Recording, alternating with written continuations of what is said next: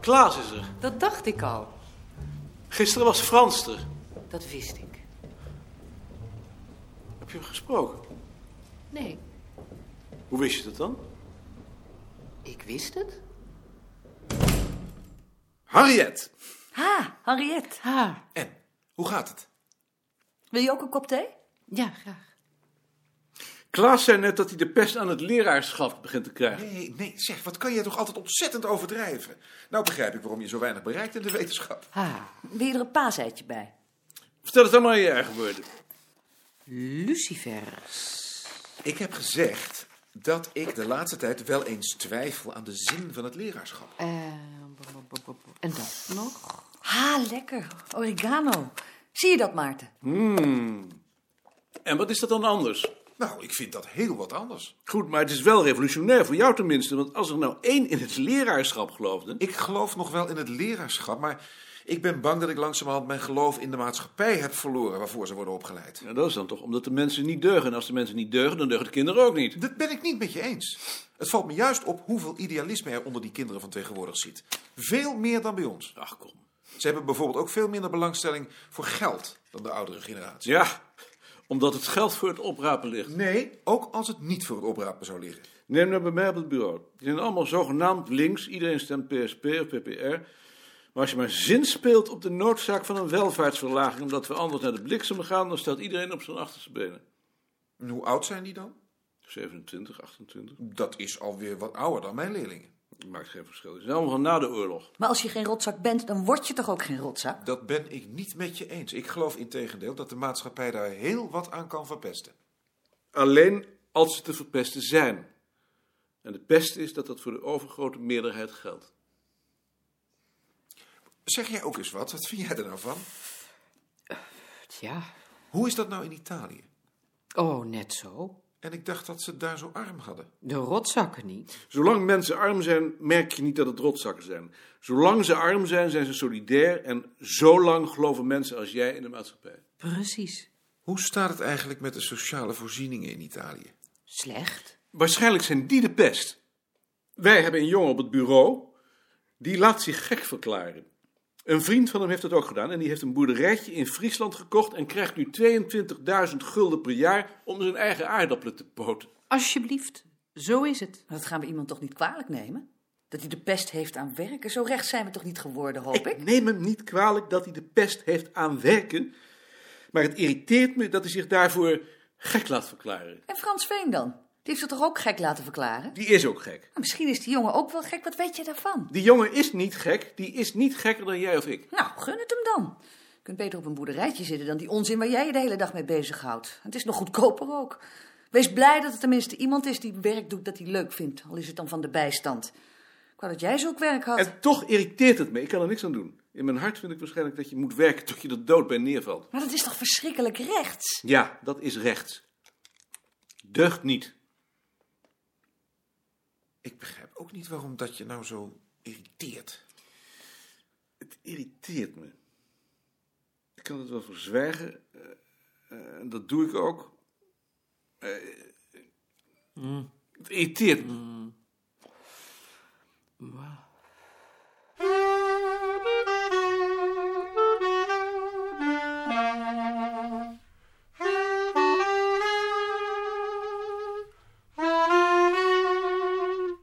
Ik heb het uitgezocht. Het kan wel met de trein en de boot naar Helsinki, maar dan duurt het wel twee dagen. Is toch geen bezwaar? Eh, nee, dat niet, maar nu vindt hij die het ook niet goed dat ik met de trein ga. Is ze bang dat je iets overkomt? Ik denk het. Hoe zwaar weegt dat? Heel zwaar. Daar was ik nu bang voor. Pieters. Ik zal hem lezen. Hij zegt ons min of meer de wacht aan. Heel vervelend allemaal. Ik zal hem lezen. De vraag is hoe ik dat tegen de commissie moet verdedigen. Ik wil het zelf wel verdedigen.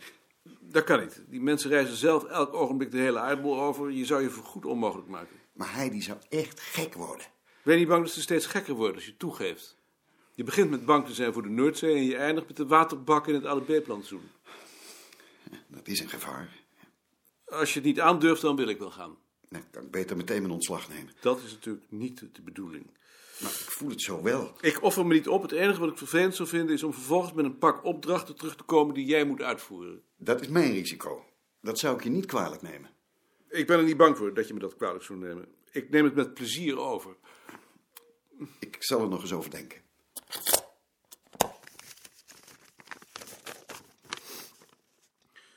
Waarde vriend Anton, hoe meer ik nog heb nagedacht over onze jongste redactievergadering, hoe meer ik ben gaan inzien dat onze wegen uiteenlopen. De lezerskring die gij voor ogen hebt, verschilt in grote mate van de lezers tot wie wij ons richten willen. U zoekt steun bij historici en antropologen, tussen haakjes waarom niet bij sociologen, vraagteken. Wij wensen de studie van de volkscultuur gaaf te houden. U zoekt een elite, wij wensen in Vlaanderen zoveel mogelijk belangstellenden. U wenst enkele specialisten voldoening te schenken. Wij gaan meer in de richting van een bredere opleiding en beoefening, zonder de wetenschappelijke standing prijs te geven. Ik trek de consequenties nog niet. Ik ga verder mijn licht opsteken bij de Vlaamse redactie, de Koninklijke Commissie, de collega's, de uitgever. En pas daarna zult u van mij vernemen wat de uitslag is: ofwel stoppen, ofwel doorgaan maar dan op een geheel andere voet. Voors Hans met hartelijke groet, uw staaf. En? Hij gaat eerst zichzelf raadplegen, in tienvoud, en dan deelt hij ons mee dat men in Vlaanderen algemeen van oordeel is dat wij op een andere voet verder moeten. Ik hoop het, maar ik ben daar zo zeker nog niet van. Ligt eraan wat die andere voet is. Dus In ieder geval moeten wij het niet nog eens op de spits drijven voor zulke kleinigheden als zo'n ledenlijst. Je ziet nu waar dat toe leidt. Het is een dictator. Maar wel één met wie we rekening hebben te houden. Wat vind je? Moet ik hierop antwoorden? Nee, we moeten gewoon afwachten. Tot die conclusie was ik ook gekomen, maar ik maak mij wel ernstig z- zorgen.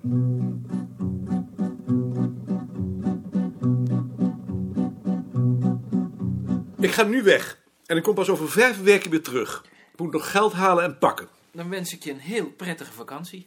Dank je. En ik draag bij deze de macht aan jou over. Maak er gebruik van. Wat zal ik doen met de post die aan jou geadresseerd is? Die maak je open en die behandel je naar eigen inzicht. En de mappen Die wil ik, als ze behandeld zijn, nog wel even zien. zijn nog wel even zien. En als meneer Balk nu in die tijd een hoofdenvergadering zou willen houden, Dat zal hij niet doen, maar dan ben jij hoofd. ben jij hoofd. Goed, ik hoop dat het mij zal lukken. Het is je toch altijd gelukt? Hoe laat gaan jullie morgen weg? Om tien over acht. En dan overmorgen naar Avignon. Ja, hoewel het kan in één dag, dan ben je er om half negen. Nou, dan kunnen ze je meteen wel op een brancard naar het ziekenhuis brengen. In ieder geval een heel prettige vakantie. En breng ook mijn beste wensen aan Nicoline over. Dank je. En Marion vroeg mij om jullie ook haar beste wensen over te brengen. Bedankt haar. Tot over vijf weken dan. Ad, hier zijn de sleutels. We bellen wel op zodra we terug zijn. Nicolien vroeg me alvast je te bedanken. We vinden het heel aardig dat je voor de katten wil zorgen. Oh, dat is niks.